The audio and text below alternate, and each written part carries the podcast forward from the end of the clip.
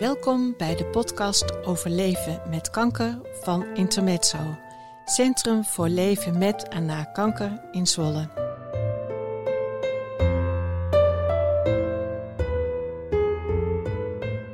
In onze podcast vertellen mensen wat kanker in hun leven betekent, professioneel of privé.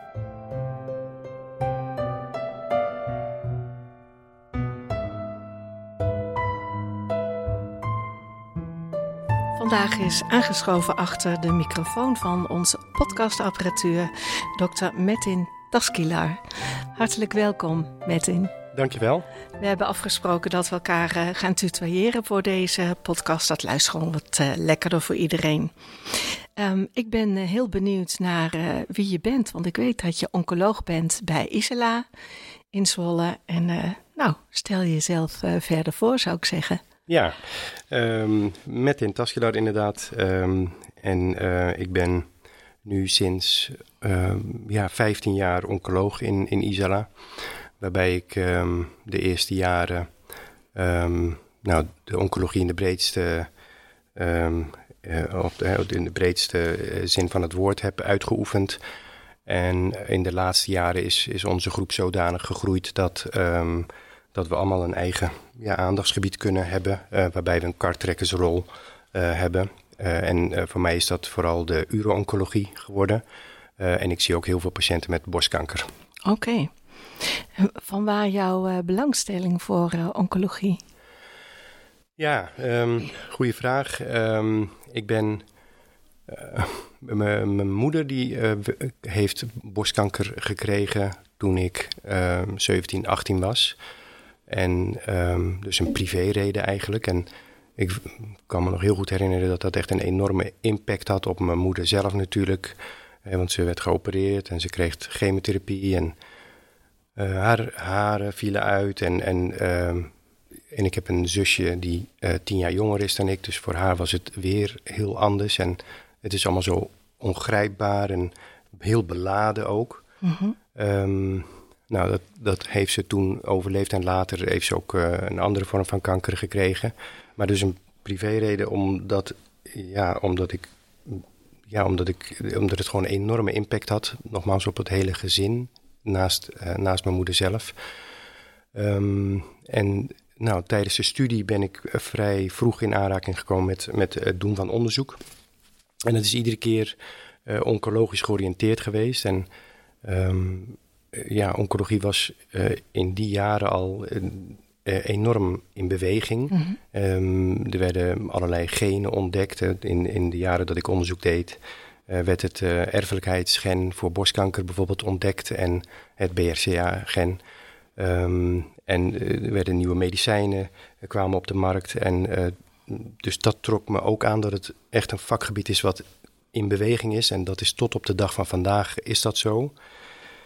Um, ja, en, en, en nu is het zo dat je uh, dat het, het vak naast dat je echt scherp moet blijven en dat je op uh, dat je je literatuur moet bij, bijhouden, ook uh, wat het menselijke contact betreft, heel uitdagend is. En um, je, je betekent je komt in het leven van een patiënt waarop ze misschien wel op, op hun kwets, kwetsbaarst zijn. En je kan wat betekenen in die periode. Um, nou, dat aspect van het vak trekt mij ook heel erg aan. Dus eigenlijk de combinatie tussen kennis en uh, meeleven en de patiënt werkelijk ondersteunen. Ja, ja. ja. Mooi. Ja. En er is het nodige in beweging, ook als we kijken naar cijfers. Um, ik zal eventjes uh, wat cijfers noemen. Uh, het IKNL, het Integraal Kankercentrum Nederland, spreekt over een toename van het aantal diagnoses per jaar uh, van 30% in 2032. Um, dat is nogal wat als je dat zo uh, bedenkt. Als we even terugkijken in de tijd, dan was het in 1990 zo dat ongeveer 58.000 mensen de diagnose kregen. En in 2032 wordt verwacht dat dat 156.000 uh, mensen zullen zijn. Dat is bijna 100.000 mensen meer per jaar die kanker krijgen. Hoe verklaart u die uh, enorme toename die er is? Ja, dat is, dat is een goede vraag. En Je schrikt hè, van die getallen Nou. eigenlijk. Want dit zijn getallen uit het IKNL-rapport. en 156.000 patiënten die in 2032 de diagnose kanker gaan krijgen. Dat betekent 18 patiënten per uur die de, diagne die de diagnose Zo. kanker gaan krijgen. Dat is, daar schrik je echt van als Ja. je dat op je in laat werken. En, en eigenlijk is de, misschien wel de belangrijkste oorzaak, en daar kunnen we niet zo heel veel aan doen, dat is de, de vergrijzing, de dubbele vergrijzing van, uh, van de Nederlandse bevolking. Um, ik heb nog eens naar uh, wat getallen ook gekeken. En het is zo dat in de afgelopen eeuw het aantal patiënten, of het aantal mensen boven de 65 meer, meer dan vertienvoudigd is. Van 0,3 miljoen naar 3,4 miljoen in 2020. En 1 op de 5 mensen in Nederland is boven de 65. En dat is over een aantal jaar zal dat um, 1 op de 3 zijn boven de 60. Dus dat, uh, dat neemt uh, toe. En binnen die groep van uh, 60, 65-plussers uh, neemt het aandeel 80-plussers ook sterk toe. Mm -hmm. uh, en um, het is zo dat 75 van de 75% van de mensen bij wie kanker wordt vastgesteld, is boven de 65 jaar op het moment van de diagnose. Uh, dus uh, kanker, de diagnose kanker is sterk gerelateerd aan leeftijd. Hè. Hoe ouder we worden, hoe um, groter de kans dat de diagnose kanker een keer wordt gesteld. Mm -hmm. um, dus de leeftijdsopbouw is een belangrijke factor. Um, en daarnaast uh, is het zo dat leefstijlfactoren een belangrijke factor zijn. Um, uh, roken, alcohol en vooral overgewicht is, is een probleem. Meer dan 50% van de Nederlanders is, heeft nu officieel overgewicht. En, en dat aantal, uh, dat percentage gaat ook toenemen. Uh, in een aantal jaar is dat meer dan 60%. Is de verwachting in 2040 zou 62% overgewicht hebben volgens de cijfers uh, van het IKNL-rapport. En overgewicht is ook geassocieerd met verschillende vormen van kanker, waaronder leverkanker, galwegkanker en nierkanker. Um, dus overgewicht is een probleem. Um, en um, alcohol is ook, alcoholinname uh, is ook een, een, een factor wat geassocieerd is met meerdere vormen van, van kanker.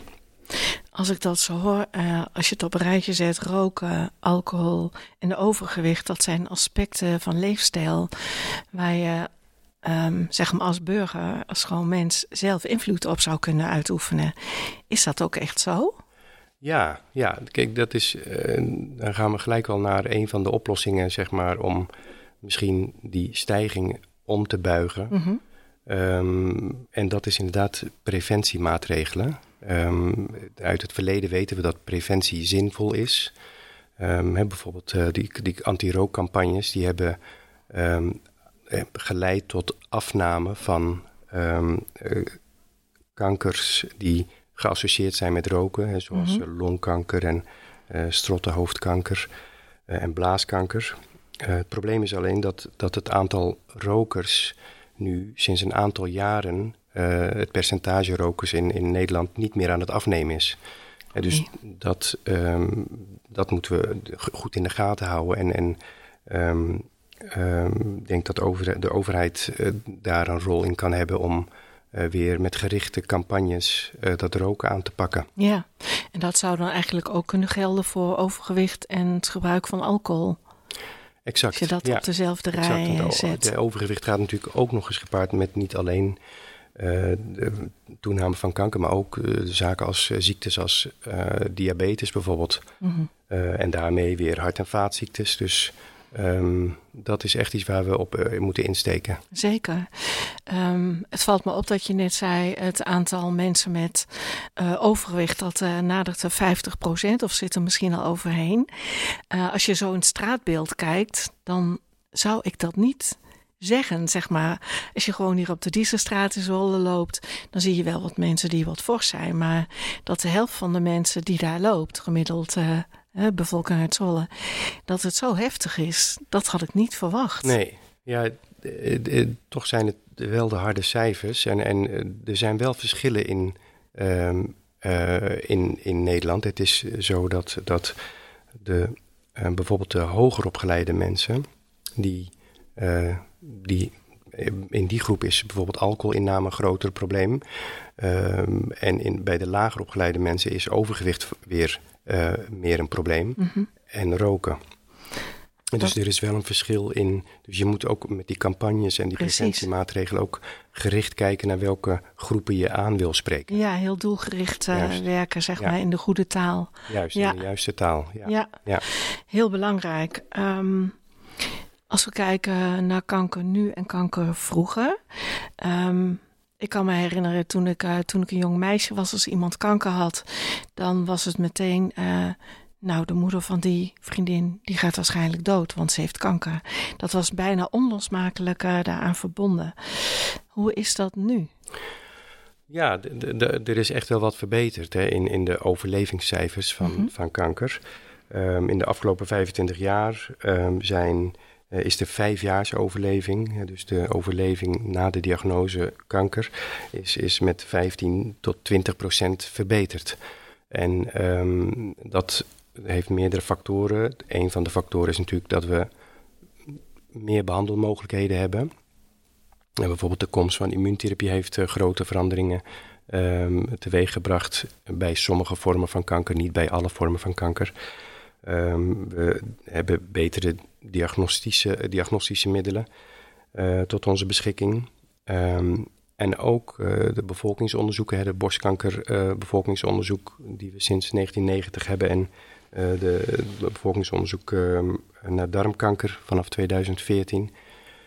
die hebben geleid tot vroeger ontdekken van de, deze vormen van kanker en daarmee beter behandelbare vormen van van deze ziektes. Mm um, ja, dan is er nog een fenomeen dat heet met een mooie term lead time bias. Dus als je tumoren vroeg ontdekt, dan um, uh, lijkt het alsof mensen langer leven um, uh, omdat je die tumoren vroeg ontdekt. Maar ze leven langer met kanker, maar niet absoluut gezien is de, is, is, is, is de overleving niet langer. Um, dat is een effect wat je ziet als je dus tumoren eerder hebt ontdekt. Um, maar ik denk dat de belangrijkste factoren zijn dat we betere behandelmogelijkheden hebben. En, en de bevolkingsonderzoeken die, uh, uh, die hebben uiteindelijk geleid ook tot, tot langere overleving van deze. Ja, dat is eigenlijk ook meteen een oproep aan iedereen om eraan mee te doen aan die bevolkingsonderzoeken. Ja, absoluut. Ja. ja. En uh, kanker als chronische ziekte, die term hoor je ook steeds meer. Um, wat is de impact op mensen eh, als je langer met kanker leeft? Als, als, u vraag, of als ik jou vraag als uh, medicus. Ja.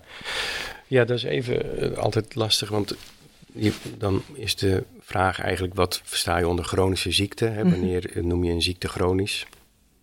Um, maar het is natuurlijk zo dat een aanzienlijk deel van de patiënten bij wie sprake is van uitgezaaide ziekte, uh, niet binnen een aantal maanden overlijdt. Hè? Dus patiënten met borstkanker kunnen soms uh, misschien wel meer dan tien jaar in leven zijn, uh, in leven blijven, hm. als ze bijvoorbeeld alleen botuitzaaiingen hebben.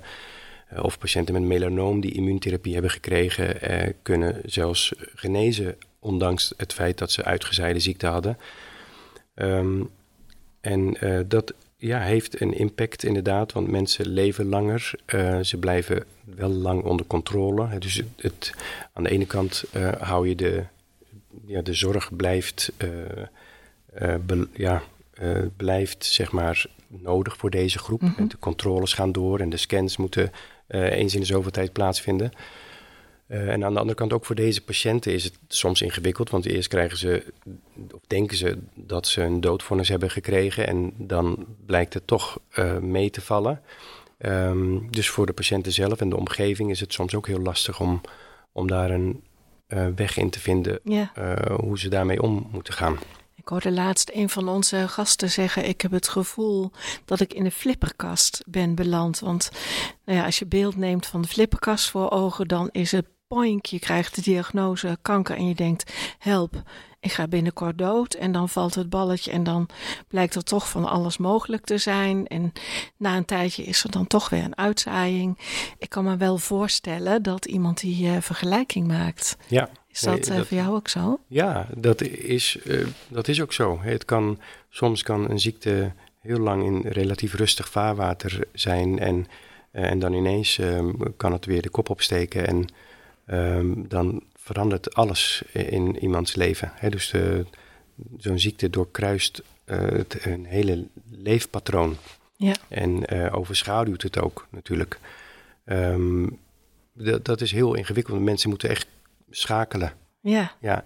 En dan is het ook wel weer mooi om te zien uh, hoe flexibel de patiënten kunnen zijn. Hè? Want als je zo'n diagnose net hoort, dan ja, dan, dan lijkt het alsof er geen enkele licht is. Uh, en, en, maar mensen ja, die schakelen echt en, en die, die um, kunnen ook de, de, die ene scan die goed was uh, enorm waarderen. En, en de tijd die ze hebben gekregen door een extra behandeling um, um, ja, koesteren. en ook de tijd die ze hebben gekregen ja, goed invullen. Ja. Mooi is dat uh, ja. de mensen die flexibiliteit ja, hebben. Absoluut. Ja. En hoe zit het met de flexibiliteit in het ziekenhuis? Want uh, als het aantal mensen met kanker zo enorm gaat toenemen, hoe bereiden jullie je bijvoorbeeld bij Isela voor?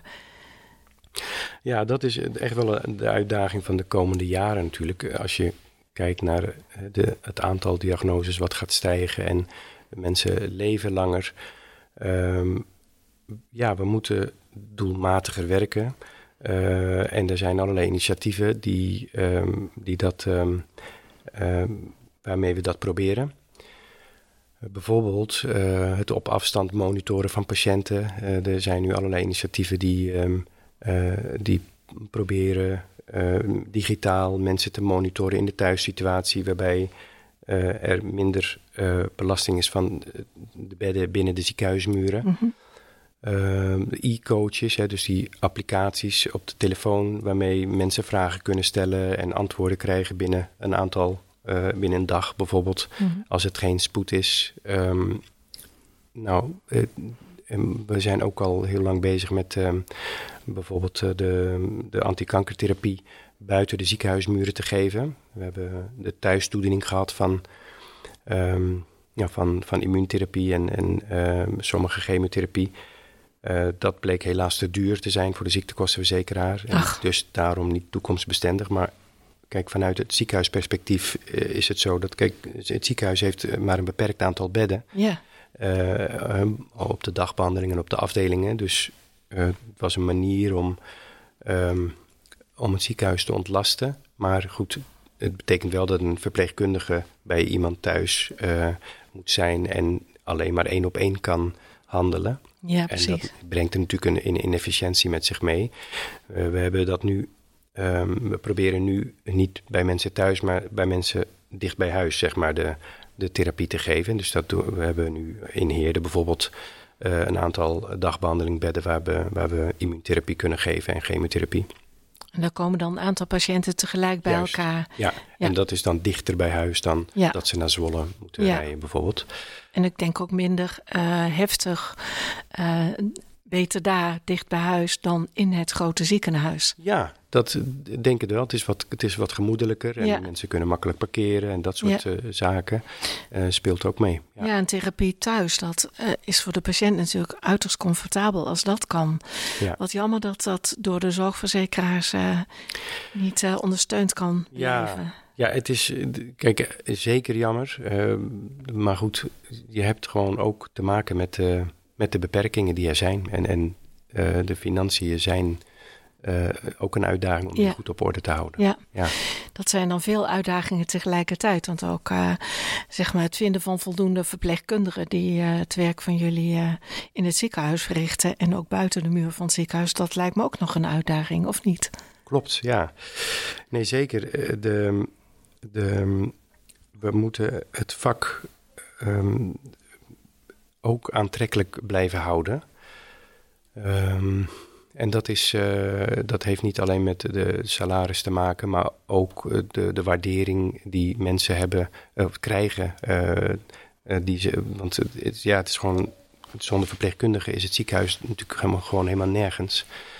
Um, dus daar, daar ligt zeker nog een uitdaging. Als je kijkt naar, um, naar de, ook, ook de getallen die uh, worden genoemd in dat rapport aan hoeveel uh, personeel nodig is om, uh, om de zorg draaiende te houden. Um, wat is het hier? In 2019 is 1 op de 6 mensen die, die werken in de zorg werkzaam. Uh, en in 2040 zou dat 1 op de 4 moeten zijn. Als de groei doorgaat zoals het nu doorgaat. Het 1 op de 4 van de beroepsbevolking. Dat is toch een onhaalbaar iets, lijkt me bij. Ja, dus we, dat denk ik ook. En ik, dus daarom moeten we ook naar um, andere vormen van uh, zorg bedenken. Hè. Dus mm. inderdaad het zorg op afstand en de, de efficiënter proberen te werken. Um, anders gaat het niet lukken. Nee, precies. Ik. Ja. Hmm, dat is wel een wolk die, uh, die een beetje donker kleurt, heb ik het gevoel. Ja, als we, als we het op de manier blijven doen zoals we het nu doen, wel. Mm -hmm. Ja, dus er moet, we moeten creatiever zijn. Ja, precies. Ja. Dat vraagt ook iets voor uh, van de jonge mensen, zeg maar, die nu een beroep kiezen en de richting die ze kiezen. Ja, zeker. He, de, dus de, um, de, we, we moeten denk ik echt insteken op. En er zijn heel veel initiatieven hoor. Heel veel initiatieven die, uh, die er uiteindelijk ook voor gaan zorgen dat we efficiënter kunnen gaan werken. Bijvoorbeeld de inzet van artificial intelligence binnen nou, de radiologie bijvoorbeeld. En ja. um, dus dat, ik denk dat, we, dat de zorg er over tien jaar serieus anders uh, uit gaat zien. Ja. ja. En dat is niet alleen de zorg voor mensen in het ziekenhuis, zorg voor mensen met kanker, maar ook de ouderenzorg staat voor diezelfde uitdaging. Hè? Met een enorme groei van het aantal ouderen. Klopt. Al dan ja. niet met kanker. Al dan niet met dementie. kanker. En juist alle andere ziektes die met ouderdom uh, gepaard gaan: dementie, Parkinson. Uh, de, dus de, de, het wordt complexer. Zeker. ja. ja. Um, beter om uh, niet ziek te worden, om gezond te leven, lijkt me. Uh, kun je kanker eigenlijk voorkomen? Uh, nee. Okay. Dat is het, kort, hmm. het korte antwoord. En ik had een ander antwoord Teleurstellende antwoord misschien. Nou ja, kijk, echt voorkomen niet. Hè, want we, we, hebben de factoren benoemd die, een, die het risico op kanker serieus verhogen. Hè, dus die heb je in de hand. Je hebt um, factoren in de hand die je uh, die je kan beïnvloeden. Uh, zoals roken en alcohol en, je, en overgewicht. Uh, maar iedereen heeft natuurlijk de, ook dat voorbeeld van die ene oom die als een ketter heeft gerookt zijn hele leven en, en nooit kanker heeft gehad. maar dat zijn de uitzonderingen. Dus dat wat je in de hand hebt, dat kunnen we wel doen. En dat is natuurlijk. dat zijn die factoren die we net hebben benoemd. Ja, zeker. En vooral, we hebben het nog niet over UV-straling gehad, maar blootstelling aan UV-straling is ook een, een belangrijke factor die um, ervoor gaat zorgen dat, um, dat de huidkankerincidentie, dus het aantal nieuwe uh, diagnoses van huidkanker, enorm gaat toenemen de komende jaren. Dat is de verwachting als er niks ja. gaat gebeuren. Ja. ja. en daar heb je natuurlijk zelf uh, een beetje de hand in, hè, door jezelf goed te beschermen. En deels is natuurlijk ook een klimaatverandering en een verandering in het weer. we zitten nu midden in de zomer. En wat voor een temperatuur hebben we niet achter de rug? Hè? Dat je denkt, dit past helemaal niet uh, bij Europa om boven de 40, soms bijna 50 graden aan te tikken. Nou ja, het is echt een oproep om uh, zelf ook verantwoordelijkheid te nemen, ja. denk ik. Op de aspecten die we net Precies, ook dat wat we in de hand hebben, daar, dat kunnen we sturen inderdaad. ja. ja. Uh, met, het, uh, met de toename van het aantal mensen dat uh, kanker krijgt en bij Isla in behandeling is of elders, um, neemt ook het aantal mensen dat intermezzo bezoekt toe. Um, hoe kijken jullie eigenlijk vanuit Isla naar intermezzo? Ja, kijk, heel positief. Hè. Intermezzo voorziet in een enorme behoefte. en dat, dat blijkt al uit de de getallen die ik pas heb gehoord uh, van Corine den Hollander, dat uh, van, van een paar honderd uh, patiënten per jaar naar volgens mij meer dan 6000 bezoeken. Ja, die dit jaar worden verwacht. Ja, waarschijnlijk. Ja. Dus dat, dat zegt wel wat. En, en um, Ehm, er is een enorme behoefte aan, uh, aan ondersteuning, aan lotgenotencontact, aan, uh, ook aan alternatieve, nou ja, alternatieve manieren of aanvullende manieren moet ik zeggen, ja. uh, om, om, om, om om te gaan met, met, de ziekte, met deze diagnose. Ja, de diagnose en het leven ermee en het veel langer leven vaak ook daarmee. Exact. Um, Intermezzo bereidt zich ook voor op die toekomst, want wij lezen natuurlijk ook uh, de getallen van het uh, IKNL en horen ook de adviezen vanuit het ziekenhuis. Um, hoe zou Intermezzo zich kunnen voorbereiden op de groei? Hè? Jullie bij Isela kijken naar efficiënter werken enzovoort, wat je net hebt verteld. Uh, heb je nog tips voor Intermezzo hoe we ons kunnen voorbereiden? Ja. Ja, dus, dus de, de, zal, de verwachting is dat inderdaad meer beroep gaat worden gedaan op jullie. En dus ja, jullie moeten, jullie moeten groeien. ja. en, um, maar los daarvan, ik denk dat ook binnen de ziekenhuismuren muren er meer aandacht is voor een, een holistische benadering van de, mm -hmm. uh, van de patiënt. En uh, daar is bijvoorbeeld de integrative medicine een mooi voorbeeld van. Um, uh, dat het, dus het kwartje is ook wel bij de, bij de behandelaren gevallen. Mm -hmm. en, en, ik, en misschien moeten jullie ook doen aan um, uh, bijscholing van, van regieverpleegkundigen, dat een deel van jullie activiteiten misschien door de regieverpleegkundige of uh, gedaan kan worden, of, of um, misschien niet alleen maar binnen de ziekenhuismuur of binnen de muren van Intermezzo, maar ook daarbuiten. Jullie zijn daarbuiten ook al, al bezig. Maar mm -hmm. um, uh, ook naar creatievere oplossingen dan alleen hier, zeg maar ja. in jullie activiteiten ontplooien. Ja, dat is zeker waar Intermezzo ook mee bezig is. En uh, zeker als het gaat om mensen die langdurig uh, leven met, uh, met kanker. Bijvoorbeeld bij um, voor de yoga groepen. Mensen kunnen niet uh, eindeloos bij ons yoga komen doen. Er komen steeds nieuwe mensen bij die daar gebruik van willen maken. En zo kijken we ook buiten de muren van welke mensen kunnen op een andere veilige en goede plek begeleid worden. Bijvoorbeeld voor yoga, maar ook andere activiteiten. Ja. Dus zoals het ziekenhuis ook buiten de muren kijkt, zo kijken wij ook uh, buiten de muren. Dat kan niet anders, ja. Ja, dus, ja. dat kan niet anders. Uh, maar het is wel mooi om die uitwisseling en uh, elkaars nabijheid steeds te weten. En dat we bij elkaar in de buurt blijven en elkaar ook goed weten te vinden. Um, fijn dat we dit uh, gesprek zo konden voeren tot nu toe. Heb je zelf nog aanvullingen voor dit moment? Iets wat je aan ons kwijt zou willen of tips? Nee, ik denk dat we heel veel besproken al hebben. Um, dus ik denk dat er genoeg stof is om over na te denken. Zeker, ja. goed. Heel fijn dat je je vrij kon maken, even los van de patiënten. Dank voor dit uh, mooie half uur en uh, we zien elkaar weer graag in de toekomst. Dank je wel. Ja. Je luisterde naar de podcast van Intermezzo over leven met kanker. Wil je meer weten? Kijk op onze website www.intermezzo-zwolle.nl. Elke maand is er een nieuwe podcast. We bedanken iedereen die heeft meegewerkt aan de totstandkoming van al onze podcasts.